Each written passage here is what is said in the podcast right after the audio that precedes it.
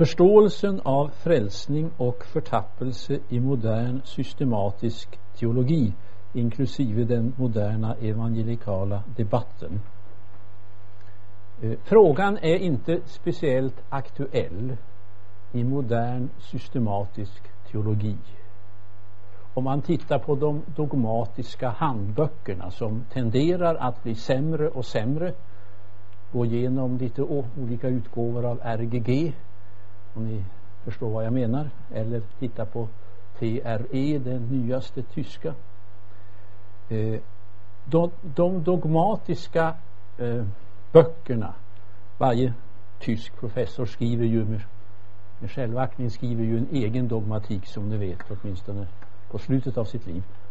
Eh, och tittar ni på avsnitten där om frälsning och förtappelse så eh, blir de pliktskyldigt skriven eh, det är däremot så att debatten om frälsning och förtappelse är mycket mer aktuell i missiologiskt sammanhang, i religionsteologiskt sammanhang när man diskuterar religionsteologi och religionsdialog. Där är debatten mycket häftig och mycket eh, skarp. Däremot inte i dogmatiska handböcker och inte i dogmatiker. Men jag ska ändå försöka ge en kort presentation av några av de ledande systematiska teologerna. Jag tänker nöja mig med Karl Barth, Moltmann, Pannenberg och plocka in lite i förbegående Emil Brunner samt de två som i religionsteologiskt sammanhang har diskuterat det här mycket ingående det är biskop Robinson i USA, nej, i England nu död och John Hick i hans böcker. Sen kommer jag att ge mig över till den moderna evangelikala debatten om conditional immortality och annihilation och eviga straff. Det är uppläggningen och låt oss nu gå till Karl Barth Eh, var Karl Barth universalist eller inte? Det vill säga, lärde han allas slutfrälsning, ett slags apokatastasis tom panton, all försoning eller inte? Och för att göra rättvisa åt Karl Barth så måste man starta med hans eh, egenartade dubbla predestinationslära som han utvecklade i motsats, motsättning till eh, Augustinus och Calvin. Han hade en predestinationslära där han utgick ifrån begreppet, det paulinska begreppet i Kristus och där Jesus Kristus är utkårad både till fördömelse på korset där han är förbannad i vårt ställe, Galaterbrevet 3.13 och där han dör vår död, där han betalar vår skuld, Karl Barth kan använda de klassiska eh, försonings, den klassiska försoningsterminologin. Men han är också utkårad till evigt liv för mänskligheten. Så det finns så att säga bara en som är utkårad till förtappelse. Det är Jesus Kristus. Och den bär han på korset. Och i och med det så är han också utkårad att ge evigt liv till hela mänskligheten som på något sätt är inkorporerad i Jesus Kristus. Och eftersom den gudomliga kärleken är den som eh, är den drivande kraften Guds förkastande av sonen på korset är en akt av förkastande kärlek och därför att denna gudomliga kärlek är med i spelet så blir effekten djupgående ingen kan så att säga eh, egentligen komma undan denna gudomliga kärlek och dess akt till evig frälsning. Dock måste ju Karl Barth skilja mellan ontik eller objektiv förändring som sker på korset och ett noetiskt mottagande. Det vill säga man måste få kännedom om vad Jesus Kristus har gjort och personligt tillägna sig det. Låt vara att det då för Karl Barth inte är en pietistisk form av omvändelse utan mer ett slags kognitivt accepterande av ett, ett faktum. Han måste trots allt skilja mellan objektiv och subjektiv försoning. Han måste ändå skilja mellan erbjuden nåd och mottagen nåd för att ta distinktioner ifrån skandinavisk teologi. Men trycket ligger för Karl Barth på den objektiva nåden, den objektiva försoningen, den eh, erbjudna nåden.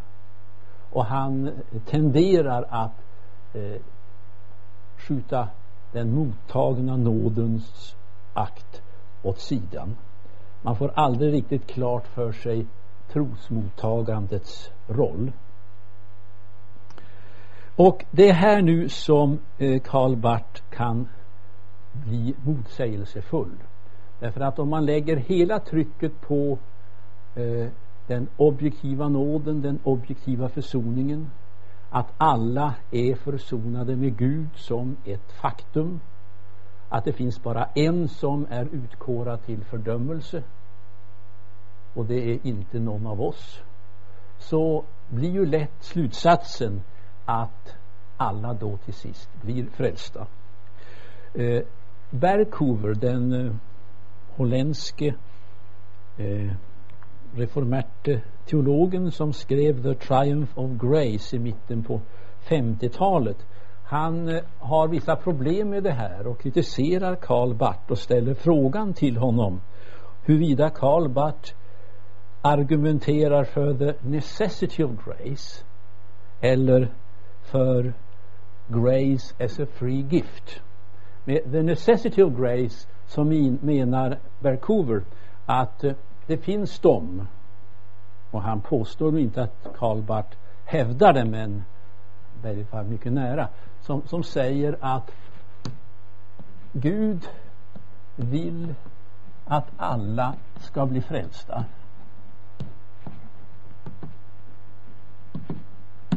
Två Kristus har försonat alla med Gud. Så kommer slutsatsen. Alltså blir alla slutfrälsta. Det är ett slags eh, logiskt deduktionsförfaringssätt som inte är så ovanligt om vi tar debatten om helande. Gud vill hela alla människor. Två, Gud kan hela alla människor. Eh, här får man lägga till här och nu. Slutsats, alltså alla som ber om helande blir helade. Det är mycket vanligt i, i, i vissa hyperkarismatiska sammanhang. Och eh, nu frågar Berkover eh, Karl Barth, är det så du talar om Guds nåd? Att eh, eh, den måste nödvändigt leda till att alla blir frälsta. Men då är Guds nåd inställd i en logisk deduktion och fånge i ett logiskt deduktivt tänkande. Istället är ju Guds nåd fri och Gud ger den till vem han vill. Det är en suverän gåva som ges fritt och den gåvan kan man faktiskt säga nej till.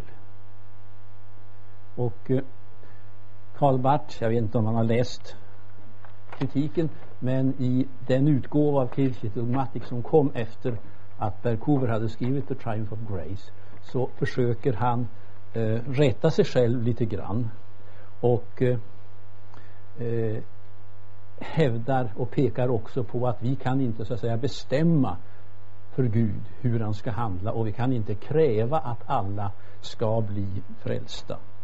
Så att han kommer nära universalism och apokatastasis och han tar steget tillbaka när han just har tagit steget över till den positionen. Det är Karl Barths motsägelsefulla position. Eh, det här sättet att argumentera att Guds nåd eller Guds kärlek kräver att alla blir frälsta det följer ju biskop Robinson då han säger så här i sina skrifter på 60-talet The omnipotent love must win Only universal salvation is consistent with God's nature as omnipotent love. Uh, och T.F. Torrance, uh, den kände skotske teologen i Edinburgh, han går emot Robinson då och säger att här är nu nåden en fånge i ett deduktivt logiskt tänkande.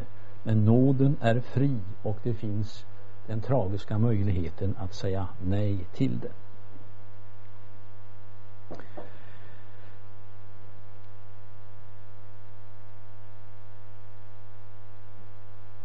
Så långt Romer, eh, så långt Bart.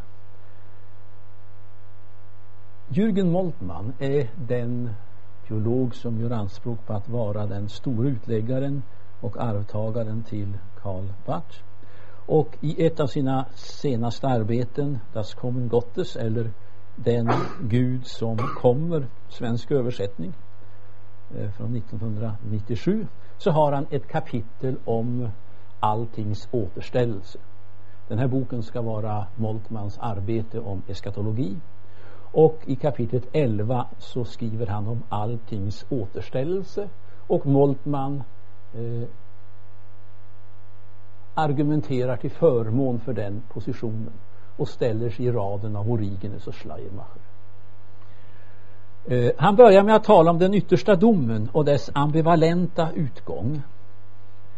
Han kritiserar traditionell luthersk och reformärt dogmatik framställning och det med rätta när man gör den yttersta domen som Guds sista handling i frälsningshistorien.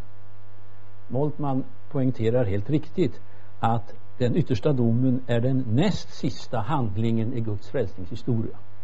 Den som eh, eh, Uppenbarelseboken 20 talar om.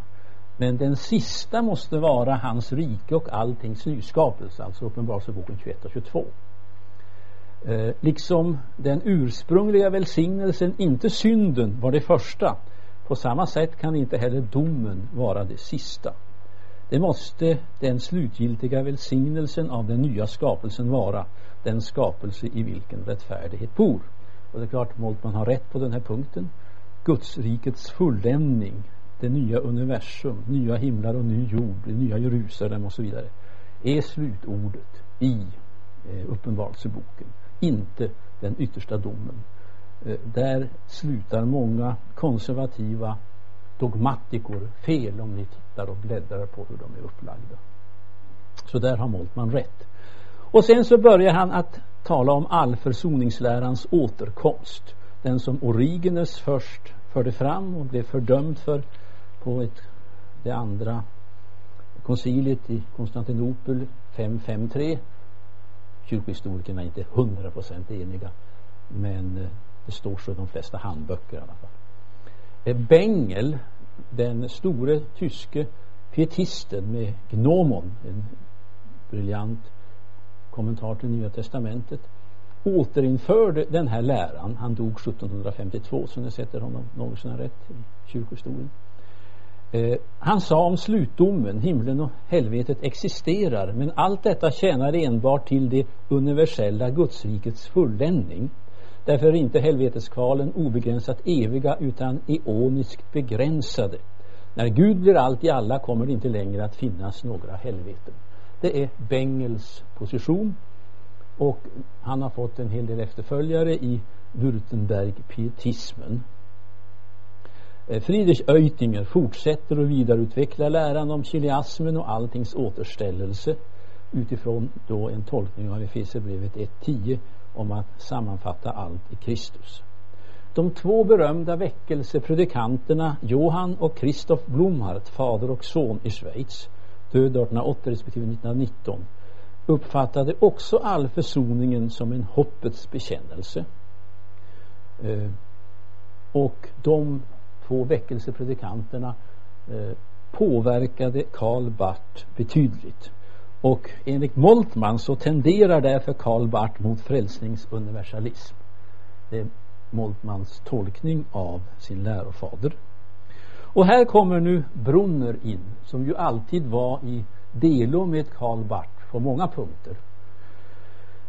Eh, och Brunner kritiserar alltså Karl Barth för tendens till allförsoningslära. Och eh, eh här är det nu rätt så eh, lustigt att se att i själva verket är de här två kombatanterna inte alls långt ifrån varann. Eh, om man tittar på Brunner så medger han att det finns, eller så säger han att det finns två räckor utsagor om slutet i Nya Testamentet. Den ena räckan talar om dubbel utgång. Den andra räckan talar om eh, alltings återupprättelse utifrån att Gud vill att alla ska bli frälsta och vill Gud det så blir alla frälsta. Så, så, så Brunner eh, lyfter fram två räckor utsagor i Nya Testamentet eh, och säger att båda räckorna ska man på något sätt hålla fast vid. Eh, nu är de här logiskt oförenliga, säger han. Men det är därför att vi uppfattar dem eh, på ett informativt teoretiskt sätt. En teoretisk eh, språklig utsaga. Eh, den, på den kan man lägga eh, den logiska lagen, det uteslutna tredje. Antingen så existerar Gud eller så existerar inte Gud. Det finns inte ett tredje alternativ.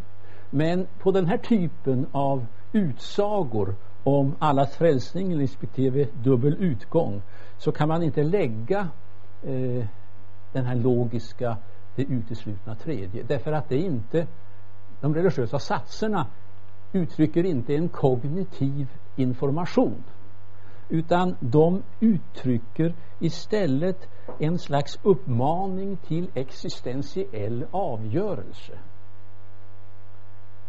Eh, och det är klart, det här kan ju inte Bromer genomföra rent intellektuellt och, och språkligt. Det, det blir nonsens i det långa loppet. Men det är så han argumenterar. Eh, och han följs av Ebeling stort sett. Han följs av Schweitzer, Edward Schweizer.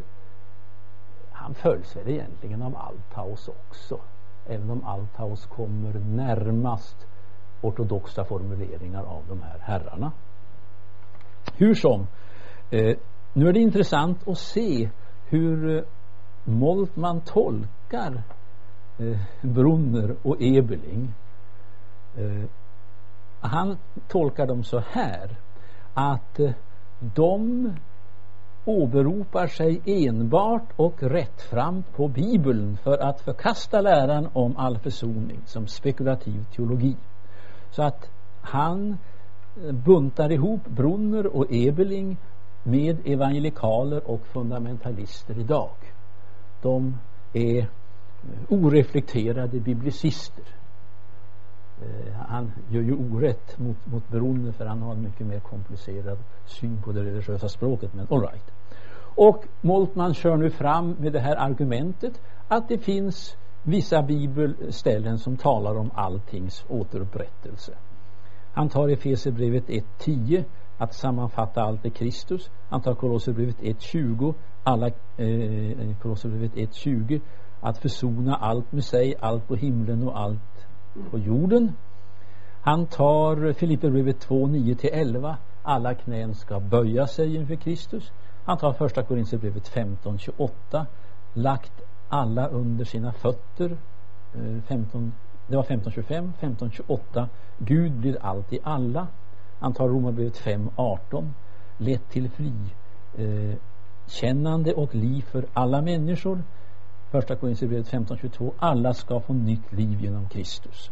Romarbrevet 11.32 För att kunna förbarma sig över alla Johannes 12.32 ska dra alla till mig. Det är i stort sett de bibelversar som brukar användas av universalister och de som företräder apokatastasis, tom panton och all försoning.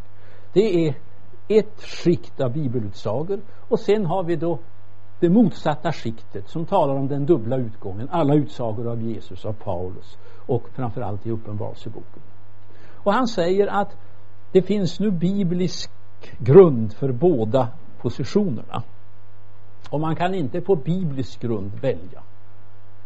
Och det är klart, det förutsätter då att man håller med honom om hans tolkning av eh, passagerna som skulle stödja eh, universalism. Håller man inte med honom om hans exeges så är det ju inget argument.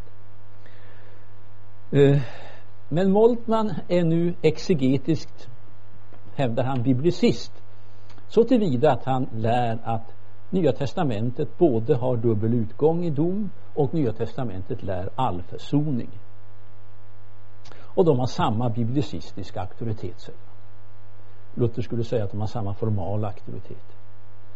Men hur, hur, hur hamnar han då till sist i all försoning och apokatastasis ton panton? Jo, genom att säga, genom att skilja mellan tid och evighet som två skilda kategorier. Den dubbla utgången gäller i tiden, i historien, under det att allförsoningen gäller i evigheten. Fördömelsen och dom till himmel och helvete existerar i tiden men inte i evigheten. De icke troende, de går förlorade i tiden och sluttiden men de går inte förlorade i evigheten. Och han citerar Mikaelis i hans bok All Versöhnung. Det som sägs om dom, fördömelse och evig död hänför sig till sluttid och eonisk tid men inte till evig tid. Sen argumenterar han systematiskt teologiskt nämligen att vår avgörelse är, har mindre kraft i sig än Guds avgörelse. Och när Gud i evigheten och här följer han part, har avgjort sig för alla människor till deras frälsning så har det tyngd i sig och en enskild människas avgörelse emot i tiden har mindre kraft i sig. Det blir Gud som vinner alltid. Så argumenterar han. Så Guds avgörelse för oss och våra avgörelser för tro och otro befinner sig lika lite på samma nivå som evighet och tid befinner sig på samma nivå. Sen kommer han med ett ytterligare argument som han har hämtat från Hans Urs von Balthasar, en schweizisk eh, framstående katolsk teolog, mest känd för sina arbeten om estetik och teologi, om Gottes härlighet. Han säger att Kristi nedstigande till dödsriket det är första gången jag hör det här argumentet måste jag säga. Är grunden för alltings återställelse. Det ger en tillförsikt om att ingenting ska gå förlorat. Och då frågar vi oss hur? Jo, svarar Urs von Baltasar. Genom sitt nedstigande till dödsriket drar Jesus in helvetet och alla dess invånare i sin trinitariska gemenskap med Fadern. Det är klart att det här har Olsson Baltasar också hämtat tror jag ifrån Karl Barth, någon, någon bit hos Karl Barth. Eh, så mycket om Moltmann. Och så går vi till Pannenberg. Eh, så inte är så rasande enkel att vara rättvis emot. Och jag ska bara ställa några frågor till Pannenberg utifrån tredje delen i hans systematiska teologi. Jag har den på engelska. Eh, domen enligt Pannenberg har två aspekter. Eh, den negativa redningen och den positiva fullkomningen av skapelsen. Eh, det är alltså de två sidorna av det mynt som domen utgör i Pannenbergs förståelse av Nya Testamentet. Och då frågar vi oss, vad är då närmre bestämt Guds dom? Vad är närmre bestämt Guds dom? Och då skiljer han mellan Guds dom i historien och den yttersta domen. Och Guds dom i historien den talar då eh, Romarbrevet 1 om exempelvis. Och det är kort sagt sådd och skörd. Uh, we are left to ourselves. We are delivered up to the consequences of our conduct. Romarbrevet 1.24, 1.28. Vi alltså överlämnas åt att eh, dra konsekvenserna av vår livsföring. Han använder aldrig Guds lag, han talar aldrig om Guds vrede. Det är två termer som är nästan helt frånvarande i de här tre banden. Vilket ju är rätt anmärkningsvärt en teolog som gör anspråk på att vara luthersk. Det är mycket anmärkningsvärt. Eh, och yttersta domen är precis samma sak. The sinners are left to the consequences of their own deed. Eh, på det sättet så räddar han Guds ansikte på ett sätt. Gud är inte aktivt involverad i att döma. Gud är inte aktivt involverad i någon form av straff. Gud är aktivt involverad i att frälsa och att fullborda skapelsen. Men det som hör till dom och straff det tillhör någon slags inbyggd ordning i skapelsen som fungerar rent automatiskt. Eh, en slags opersonlig mekanism i stort sett. Eh, dom. Som, som någon form av, av negativ straff. Så fortsätter han. For those reconciled with God judgment will not be destruction, but purifying The purifying fire of the smelter. Och så citerar han Jesaja 1.25 och Malaki 3.2 FF. Och där är han beroende av Ratzingers bok om eskatologi. De tycks ha ett mycket nära samarbete på många punkter i den tredje, det tredje bandet av hans systematiska teologi. Och Ratzingers sätt att eh, hyfsa till läran om skärselden och göra den till en slags reningsprocess eh, tar eh, eh Pannenberg över och använder om Guds dom. Det är en rening av den troende människan så att hon en dag kan se Gud i ögonen och vara helt igenom helig. Vilket inte är möjligt för oss idag på grund av vår synd. Eh, så dom är rening av den kristna människan och som eh, renar henne från allt i hennes varelse som inte är förenligt med den evige guden och med deltagande i hans liv. Det är bäst att ta det.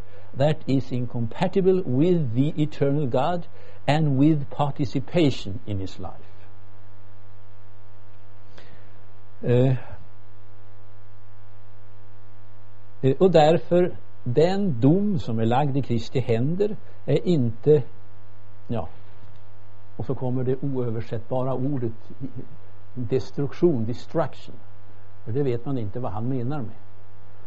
Eh, men det är reningselden som Jesus låter gå genom varje troende människa innan hon eh, uppstår på den yttersta dagen.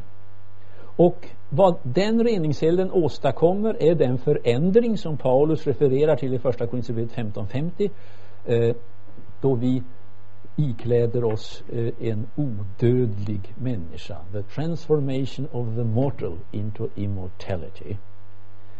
The transformation takes place by the fire of judgment. Då frågar man sig, kommer då alla att renas i denna dom? Eh, och då säger han att eh, för att göra en lång historia kort eh, han säger ungefär så här att eh, de som tror medvetet på Jesus Kristus de kommer att renas i domen och uppstå till härlighet eh, men det finns eh, en möjlighet att några kommer att bli fördömda. In view of the plain New Testament statements on the matter, we certainly cannot rule out the possibility of the eternal damnation of some. Och han hänvisar då till uh, Ratzingers exegetiska arbete i sin bok Eschatology. Så sam, några kommer att bli förtappade enligt eh, Ratzingers, nej, enligt eh, Pannenbergs eh, framställning. Eh, Och sen så säger han någonting som är oerhört svårt att förstå.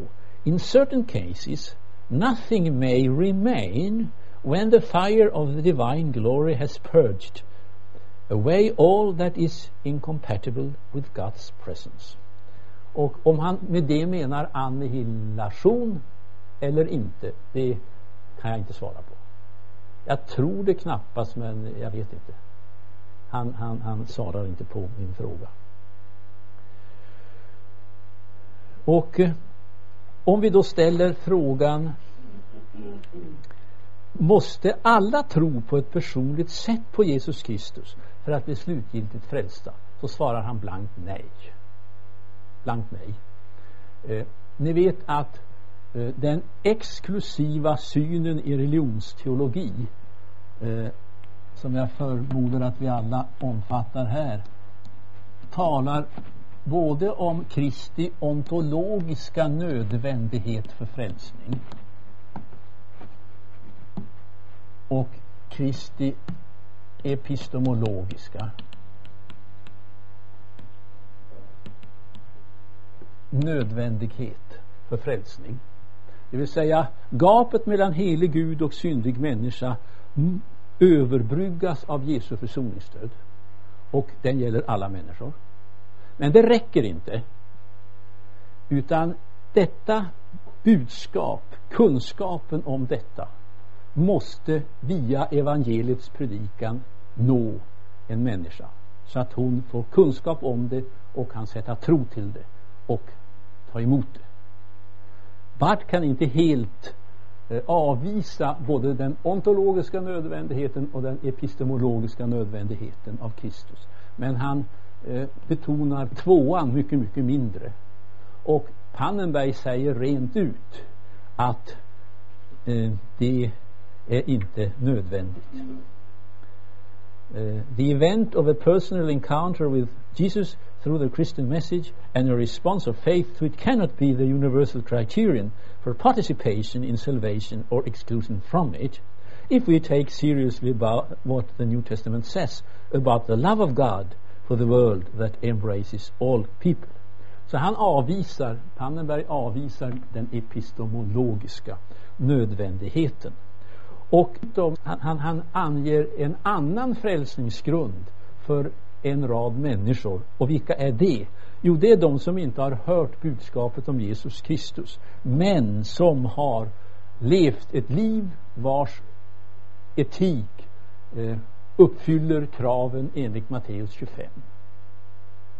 Så där blir det en annan frälsningsgrund för de som får höra att jag var sjuk och ni besökte mig, jag var i fängelse eh, och så vidare. Eh, och dessutom hänvisar han till Matteus 5.3 och Lukas 6.20 mm, följande. Det är saligprisningarna. Han menar att saligprisningarnas folk finns inte bara reellt närvarande i kyrkan, de finns också utanför kyrkan i andra religioner.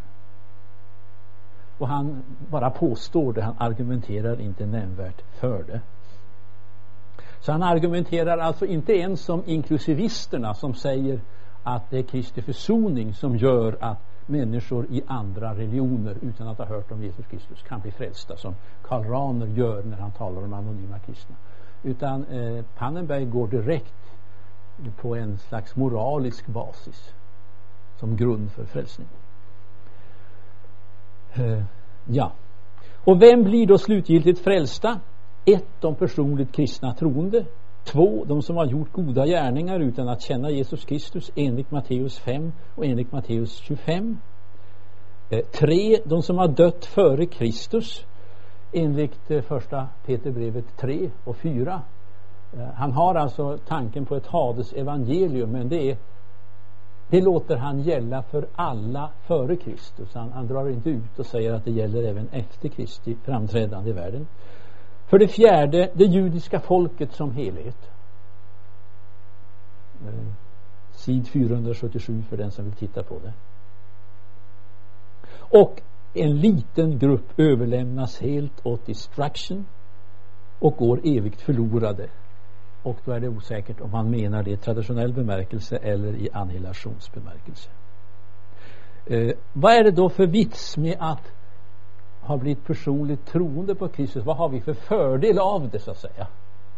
Jo, säger han, eh, det ger frälsningsvisshet som ju är ett eh, ouppgivligt krav i luthersk reformatorisk teologi. Eh, och så säger han på ett annat ställe There is no guarantee of an ultimate universal reconciliation. Eh, det är hans position. Och om man ska försöka dra ihop det här så har jag hittat sju sätt i modern systematisk teologi att tona ned, att urholka, att desarmera läran om den dubbla utgången till förmån för universalism. Men aldrig till förmån för annihilationsteori. Den spelar ingen som helst roll hos alla de här författarna. De tycks inte alls bry sig om den. De, de, de ser inte på den som en, en, teologisk möjlighet av något som helst slag. Det här är, är viktigt för vad jag tänker säga i nästa avdelning av föredraget. Sju olika sätt. Det ena är att man håller fast vid de bägge tankegångarna dubbla utgången och apokatastasis och inte löser upp paradoxen Althaus. Det andra är att man säger att universalismen är en möjlighet, ett hopp, men inte ett dogma. Och dit hör egentligen Pannenberg och dit hör Barth. Tre, man kör med en dialektisk användning av lag och evangelium om man har en luthersk konfessionell bakgrund och låter evangeliet få övervikten. Det är också ett sätt att använda lag och evangelium. För det fjärde, man eh, gör som Brunner, att man säger att det religiösa språket som används om de här två sakerna inte är ett kognitivt informativt språk utan ett språk som eh, vill leda till en existentiell avgörelse och därmed säger man ingenting om framtiden. Allt handlar om vad som sker här och nu. För det femte, eh, man skiljer mellan tyngden i människans avgörelse i tiden kontra tyngden i Guds avgörelse i evigheten som Moltmann. Och det kopplar man ihop med det sjätte, man skiljer mellan tids och evighetsdimension. Så att dubbel utgång hör hemma i tiden, historien och universalismen i evigheten. Och det sjunde, som givetvis är det som vinner terräng mer och mer, det är att man driver en slags kanonkritik. Man, man kör med kanon inom kanon och säger att kärleksmotivet ska slå ut alla andra motiv i Nya Testamentet och bli det alena saliggörande. Eller man tar rättvisemotivet eller man tar teodicémotivet. Och även om Nya Testamentet då solklart lär dubbel utgång så skjuter man det åt sidan och säger det måste rättas, det måste korrigeras av kärleksmotivet. Det är det man finner i modern systematisk teologi. Vi går nu över till den evangelikala debatten i England och i USA. Eh, 1988 så gavs en bok ut som hette Evangelical Essentials på Intervarsity Press i England. Det var ett samtal mellan Eh, Edwards som är en ledande eh, anglikansk teolog eh, och John Stott. Eh, där Edwards och John Stott diskuterar alla väsentliga teologiska frågor. 338 sidor är den boken på. På sex sidor så får eh, Stott en fråga. What is hell? Och han svarar och svaret blir ett bombnedslag i den evangelikala världen därför att han ger uttryck för en annihilationistisk position dock tentativt och icke som ett dogma. Eh, och det startade en enorm debatt. Han kom att följas av Philip Hughes på Westminster Seminary i USA som skrev The True Image, The Origin and Destiny of Man in Christ som gavs ut på Erdmans eh, 1989. John Wenham, John Wenham pappa till eh, Gordon Wenham som är professor i Gamla Testamentet har skrivit en lång rad bra kommentarer. Och David Wenham som är nytestamentlig eh, forskare i England. Han hade länge argumenterat för eh, annihilationism så han gav då ut The Case for Conditional Immortality 1992 det är en repetition av eh, hans gamla ståndpunkter. Conditional Immortality 1992 och hans namn det är ju rätt så känt. Han skrev en eh, lärobok i Nytestamentlig grekiska som kanske somliga har haft som lärobok. Den används i två tredjedelsvärlden väldigt ofta än idag.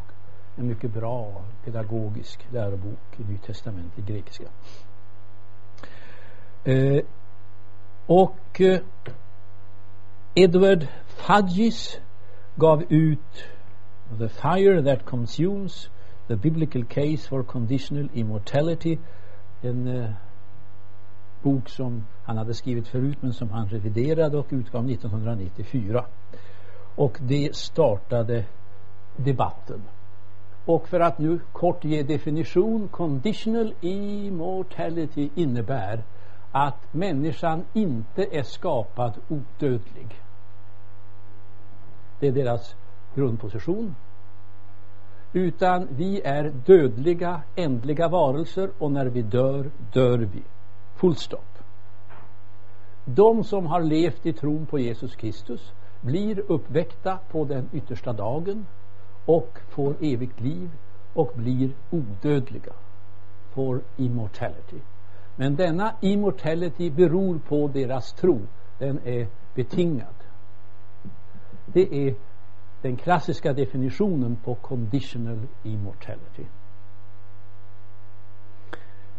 Eh, eh, om ni nu vill eh, i lugn och ro läsa mer eh, på ett koncentrerat sätt så hänvisar jag till den artikel som jag själv kommer att följa nu. För den är så pedagogiskt skriven det kan aldrig göras bättre. Det är en artikel i Christianity Today.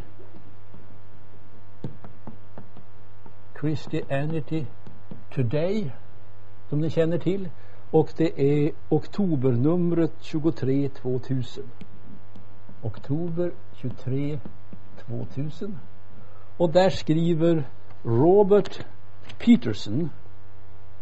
Robert Peterson. Förmodligen av svensk bakgrund. Undying Worm Unquenchable Fire det är den bästa sammanfattningen av debatten och eh, det går inte att skriva bättre för att ge en sammanfattning. Han ger också ett slags omdöme till sist själv utifrån sin egen position. Så det är honom jag kommer att följa men John Stott sex sidor tänker jag återge själv. Jag råkade lite illa ut faktiskt på en IFS-konferens i Würzburg 1988, påskkonferensen för jag skulle tala om universalism and the lostness of man på långfredagen. Och jag hade förberett mig oerhört och under stor vånda och stor smärta höll jag mitt föredrag.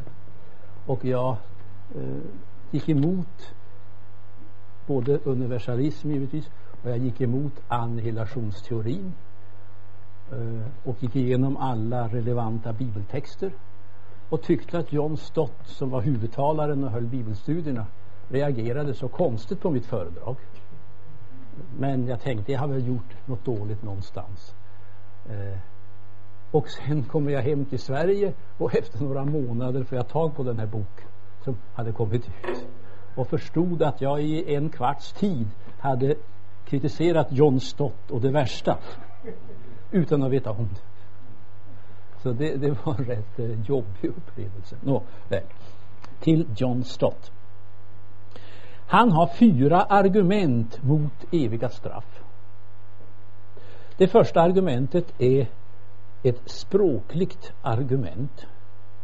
Apolleia, apollymi, det som är översatt eh, i eh, våra biblar med att gå förtappt på danska och att gå förlorad på svenska eller att gå under i eh, den svagare 1981 översättningen på svenska.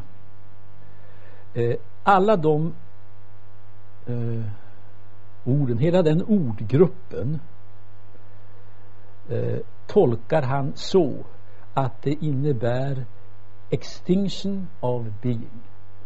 Alltså total utplåning både fysiskt och andligt.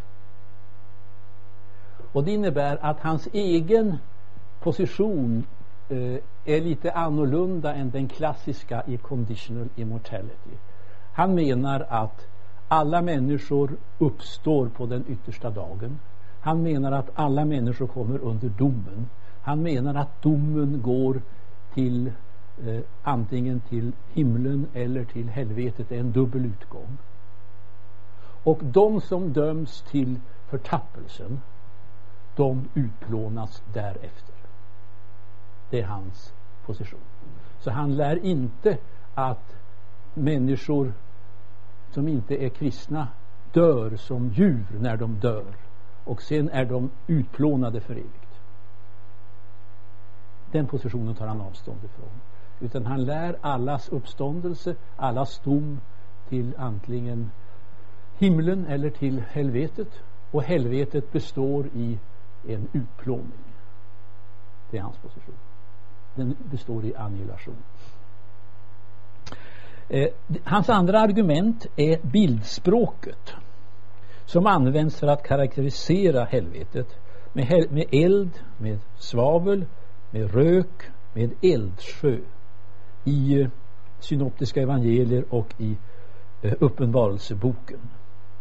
Om det så säger han att eh, de utför eh, den här, ja, för att citera eh, Pannenberg, den här, ja, inte renande men förintande uppgiften. Det är det som de vill, eh, bilderna vill utsäga. Elden förtär och bränner upp allting. Det är det som avses med alla dessa passager. Han använder alltså, han uppfattar bildspråket bokstavligt och inte i överförd bemärkelse. Om man ska kritisera honom rent språkligt.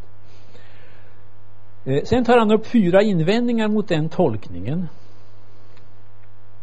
Och bland annat eh, eh, ja, man bör nästan läsa texterna för att ni ska få en klar blick hur han argumenterar. Markus 9.48 eh, där Jesus säger Markus 9.48 eh, eh, Om ditt öga förleder dig så riv ut det. Ja, det egendomliga är att där gör han då en överförd betydelse. Där tolkar han inte det bokstavligt utan i överförd betydelse i metaforisk betydelse. Det är bättre för dig att gå in i Guds rike enögd än att ha bägge ögonen i behåll och kasta sig i helvetet. Där maskarna inte dör och elden inte släcks. Eh, där så eh, tolkar han det mot bakgrunden av några versar i Jesaja eh, 66-24 som talar om domen över Jerusalem och tolkade det då rent eh, bokstavligt att eh, inte, han, inte tal om att människor ska pinas evigt men att de ska förintas. Så, så, så maskarna och elden de gör sitt jobb och jobbet är att tillintetgöra människan det är det som han ser som poängen i den här versen och när han då kommer för det andra till Matteus 25.46 om evigt straff och evigt liv så säger han här kontrasterar Jesus två öden. Han talar om två destinationsorter. inte om att de är eviga tidsmässigt. Det är poänglös eh, bihang och onödig tolkning, säger han.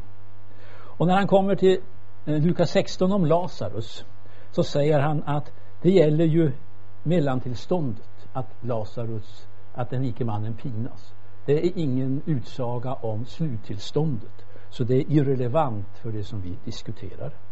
Och när han kommer till Uppenbarelseboken 14.10 eh, och där tycker ni säkert liksom jag att han är ute och cyklar väldigt. Eh, där sägs det att de som djuret och dess bild han ska få dricka Guds vredes vin som hälls upp oblandat i Guds vredes bägare och han ska pinas med eld och svavel inför de heliga änglarna och lammet och röken från deras pina stiger i evigheters evighet och det får ingen lättnad vare sig dag eller natt. Eh, det menar han, det här är upplevelsen i domens stund. Eh, alltså, på den yttersta dagen så får du höra, gå bort ifrån mig, ni förbannade. Det är en fruktansvärd smärta, säger Johnstott. Och det är det som avses med det här bildspråket. Det är inte tal om ett evigt tillstånd. Och sen kommer han för det fjärde till Uppenbarelseboken 2010. 2010 eh, där han säger och djävulen som förförde dem kastades i samma sjö av eld och svavel som odjuret och den falske profeten och det ska plågas dag och natt i evigheters evighet. Eh, och där säger han då att djävulen, odjuret och den falske profeten inte är individer utan symboler för världen i dess opposition mot Gud och den oppositionen bryts ned nu fullständigt. Eh, eh, Carson i sin bok The Gagging of God har ett kapitel om den här diskussionen. Och han eh, bekänner sin stora vördnad för John Stott från vilken han har lärt sig oerhört mycket men han säger att här är John Stott ute och cyklar allvarligt. Därför att John Stott tror på en personlig djävul lång rad ställen i sitt författarskap. Men här nu är djävulen bara en symbol för världen i dess opposition mot Gud och han undrar hur det går ihop Nåväl eh, det tredje stora argumentet för John Stott det är det är den bibliska visionen av rättvisan är en evig medveten plåga förenlig med den bibliska uppenbarelsen om gudomlig rättvisa. Det är ett för hårt straff för en för liten försyndelse så att säga. Och hans fjärde argument är universalismtexterna. Han tar själv avstånd från universalismen men han säger de förstås bättre om de tolkas annihilationistiskt. För då blir Gud allt i alla och det finns ingenting kvar i universum som står emot Gud. Det är hans korta argument. Så att tolka dem utifrån en dubbel utgång med evigt straff är inte förenligt med löftena om Guds slutgiltiga seger. För att Gud ska bli allt i alla så kan det inte finnas några människor i helvetet som opponerar mot Gud, säger han. Det är hans argumentation. Och han säger till sist att jag är tveksam till att skriva detta. Jag har stor respekt för den kyrkliga traditionen som jag vet att jag bryter emot nu i utläggningen. Och jag vill inte splittra den evangelikala heten. Men eh, jag lägger fram det här eh, i do not dogmatize about the position to which I hold it tentatively. Eh, det är hans slutkläm. Och de sex, de sex sidorna utlöste den här enorma debatten. Och på bägge sidor har det producerats en lång, lång rad böcker som den här artikeln i Christianity Today kan ge god information om. Och vad Robert Peterson nu gör i sin artikel eh, det är att han refererar en undersökning som har gjorts av den evangeliska alliansen i England och som Robert Peterson säger är den bästa sammanfattningen av hela debatten. Så istället för att läsa tio böcker på 2500 sidor så kan man läsa en bok på 125 sidor eller 130 sidor som är utgiven av den evangeliska alliansen i eh, England och som har rubriken The Nature of Hell.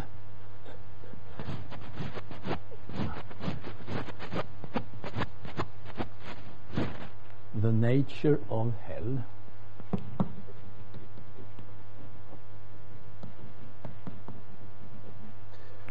A report by the Evangelical Alliance Commission on Unity and Truth among Evangelicals. Acute är förkortningen. Och den kom ut 2000 på Pater Noster som är ett engelskt evangelikalt förlag som ni säkert känner till. Eh, I den här studiegruppen som har skrivit denna rapport ingår både det som kallas för traditionalister som har eh, den klassiska eh, kristna positionen, klassiska konservativa positionen och konditionalister som hävdar annihilationsteorin. Så att det är ett slags eh, försök att, som han uttrycker det, Robert Peterson, minska skadan och förhindra att evangelikalerna eh, angriper varandra vid strupen och skickar varandra till helvetet. Eh, John Gessner, den amerikan som först var ute och kritiserade John Stott, ifrågasatte John Stotts eviga frälsning. Eh, så att, att, debatten blev mycket snabbt mycket, mycket häftig och gick eh, djupt.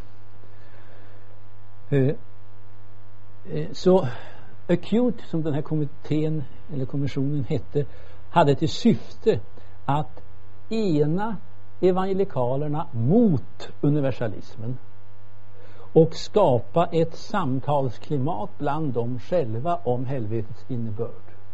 Det var målsättningen. Och det var syftet med, med rapporten. Så det är alltså inte en rapport som försöker komma åt vad som är sant, om vi uttrycker det så. Utan som förutsätter att här finns det två positioner. Och låt oss föra en dialog. Och låt oss se om vi kan på något sätt rymmas vid samma bord, i samma family. Det är målsättningen. Eh, och det är så här att eh, man tar upp varje debattfråga. Och så får traditionalisterna säga sitt. Och så säger konditionalisterna sitt. Och då säger traditionalisterna så i sin kritik och så säger konditionalisterna si i sin kritik. Och så låter man det vara där. Man kommer inte fram till någon slutsats i någon fråga. Bortsett från slutsatserna där man når en viss eh, överensstämmelse som vi ska se på vissa punkter. Nåväl, man tar avstånd från universalismen och sen så går man direkt in på de fem nyckelfraserna. Och de har jag redan berört. Därför att eh, John Stott på sex sidor har stort sett sagt allt som, som konditionalister har att säga om vi uttrycker det eh, så. Men det är de fem eh, hu, nyckelfraserna som man diskuterar. Och det är ett distraction, jag tar det på engelska.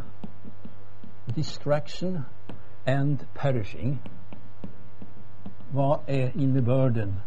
I ord som eh, apolleia och Apollemi och eh, apok apokteneo eh, döda i, eh, i eh, Matteus 10, 28 förgöra själ och kropp i helvetet.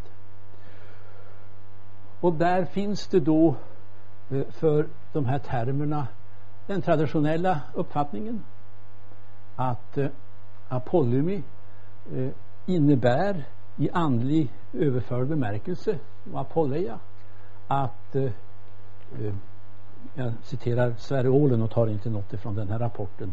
Sverre Ålen i sin exeges det är den begripligaste jag hittat hittills bland exegeter. Han, han säger att eh, apolymi, apolleia är som man tänker sig en mosaik och så tar man en bild från en vacker mosaik och så kastar man den på skräphögen. Då har jag förlorat målet med mitt liv. Det är att gå förlorad. Och så tar han för det andra, det är som ett skepp som löp, som, som, med vilket det sker skeppsbrott. Och nu ligger båten som ett skrov fullständigt ihåligt. Det är att gå förlorad. Man missar sin bestämmelse, det eviga livet med Gud och att upprättas till Guds avbild. Det är det som bilden vill säga, säger Sverre eh, Och eh, det är då en evig position. Jag är för alltid en bortkastad mosaikbit. Jag är för alltid en båt som har gått på grund och är till intet dugligt.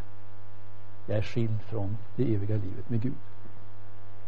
Och konditionalisterna säger att annihilation är en bättre tolkning av de här termerna. Eh, det andra är eh, elden och masken. Elden och masken, the fire and the worm. Och här kommer då eh, samma eh, debatt in. Ska man tolka det så att elden och masken till intet gör människan? Eller står upplevelsen av att vara i elden och förtäras av masken för evig plåga? Och där kommer man inte till någon enighet. Tre, eh, evigt straff. Och då är det Matteus 25, 46 som man jobbar med. Och då säger konditionalisterna att eh, eh, det här är två, antingen säger de att det är två skilda destinationsorter som stått. Eller så säger de att evigt är tidsbegränsat. Och så säger traditionalisterna att evigt kan omöjligtvis vara tidsbegränsat när de här två uttrycken står sida vid sida i den här versen. Då kan man ju inte låta evigt liv vara evigt och evigt straff tidsbegränsat. Det håller inte rent språkligt. Eh, John Stott eh, är ju så skärpt så han undviker den här utläggningen av Ajonius eh, för att inte dra på sig onödig kritik. Fyran, Lazarus och rike mannen i Lukas 16 ja, här säger man det, och här är man eniga då, att här gäller det mellantillståndet så det är inte relevant i diskussionen. Fem. Eh, svavel, rök, andra döden.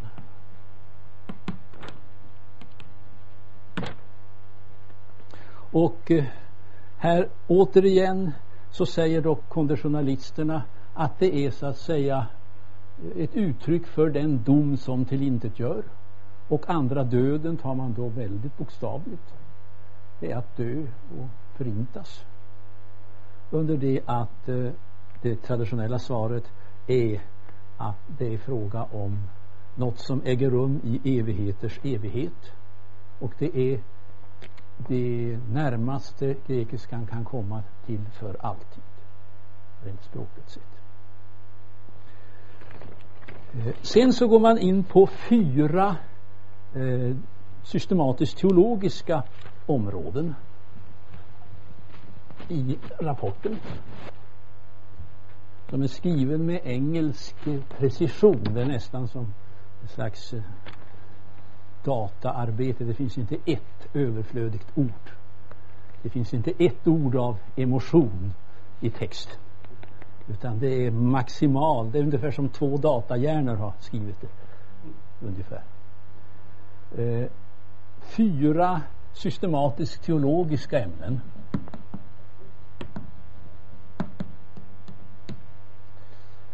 Eh, och det första är filosofins plats filosofins plats. Eh, traditionalisterna, nej, konditionalisterna säger ju att människan inte är skapad odödlig. Det är ju en eh, position som inte har förts fram i teologihistorien förrän 1927 ungefär.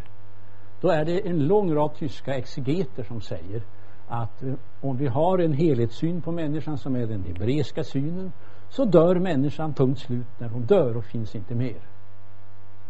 Så det finns inget mellantillstånd. Det finns ingen aspekt av människan som lever vidare efter döden.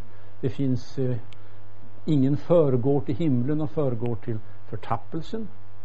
Utan hela människan dör och hela människan uppstår på den yttersta dagen. Eh, det är och det är, säger de då, bibliskt tänkande, hebreiskt tänkande, under det att tanken på att det finns ett mellantillstånd och att människan i ett kroppslöst tillstånd existerar i någon slags gemenskap med Gud. Det är en renodlat grekisk tanke, fullstopp. Så argumenterar konditionalisterna. Eh, och då säger traditionalisterna att eh, det är alltför förenklat. Motsättningen mellan grekiskt och hebreiskt tänkande är inte alls så stort som den tyska exkritiken har gjort det till under ett antal decennier. Eh, Carlson i The Gang of God utvecklar det här lite grann. Och han sluter sig till en traditionell syn på ett mellantillstånd enligt Paulus Filipperbrevet 1, eh, 21 följande. Eh, det andra är eh, Guds kärlek och rättvisa. Och här kan man antingen argumentera som Moltmann eh, eller man argumenterar som John Stott. Att Guds kärlek kräver allas frälsning eller i det här fallet att de som har sagt nej till den förintas. Guds kärlek är oförenligt med eviga straff. Guds rättvisa oförenliga med, oförenligt med eviga straff. Traditionalisterna säger att vem vet vad som är Guds kärlek bättre än Jesus själv? Och vem kan göra anspråk på att veta mer om Guds kärlek än han? Det är nästan eh, blasfemi att eh, använda eh, kärleksmotivet och stryka över alla utsagor om den dubbla utgången. Det är sak samma att använda rättvisemotivet på samma sätt. Vem vet mer om rättvisa än Jesus? För det tredje Guds triumf. Guds triumf. Eh, det kan ju inte bli någon triumf i himlen säger konditionalisterna om det finns de i helvetet som opponerar emot Gud. Då svarar traditionalisterna att Guds eh, triumf består både i så att säga, glädjen över de frälsta och i hans rättvisa dom. Det är en betydligt, eh, vad ska man säga, mer hårdför syn på vad Guds triumf och Guds härlighet innebär. Eh, och Richard Bauckham, engelsk idéhistoriker och exeget, säger att det här sättet att bli känslig och Guds vägnar det börjar uppstå på slutet av 1700-talet och början på 1800-talet. Schleiermacher är den första som för fram den här tanken att det blir outhärdligt för Gud att vara Gud om det finns några som går förlorade respektive det blir outhärdligt för de frälsta att veta att några icke blir frälsta. Men det är Schleiermacher som för in det först på fullt allvar därför att nu har eh, den allmänna mentaliteten förändrats. Och, och, och C.S. Lewis tar upp den här utmaningen i The Problem of Pain, tror jag det är. Och han säger då att himlen och helvetet eh, är så att säga inte förlagda i samma tidsrum, det vill säga eh, om det här är himmeln, himmelska rummet och rökrummet är helvetet så, så, så kan man inte samtidigt så att säga titta in i himlen och titta in i helvetet som vi kan göra med att titta in i de här rummen samtidigt. Eh, det är så han utvecklar det också i, i eh, sin andra bok. Om ni kommer ihåg vad den heter. Ja. Hur som. Eh, slutligen, det har jag varit inne på redan, The blessedness of the redeemed. Det har vi redan talat om. Så det behöver jag inte säga så mycket mer om. Blessedness of the redeemed.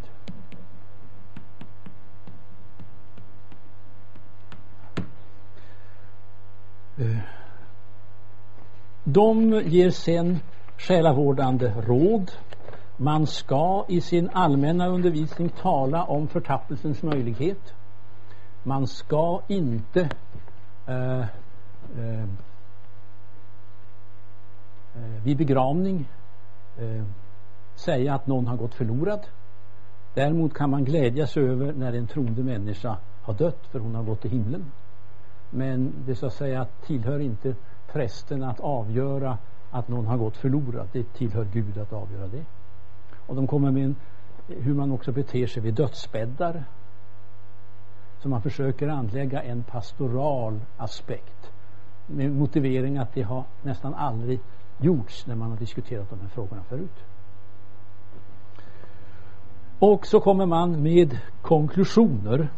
Och konklusionerna, de och rekommendationerna, eh, det innebär att man tar den här positionen att man säger huvudlinjen i den evangelikala världen lär dom, dubbel utgång, eviga straff. De eviga straffen tolkas på tre olika sätt. Det är evig medveten fysisk och psykisk plåga. Det är evigt medveten psykisk andlig plåga. Det är skilsmässa från Gud. Det är tre alternativ. Men det tillhör eh, huvudlinjen i den evangelikala eh, förkunnelsen. Minoritetslinjen omfattar conditional immortality. Eh, men det man ska predika och jag ska läsa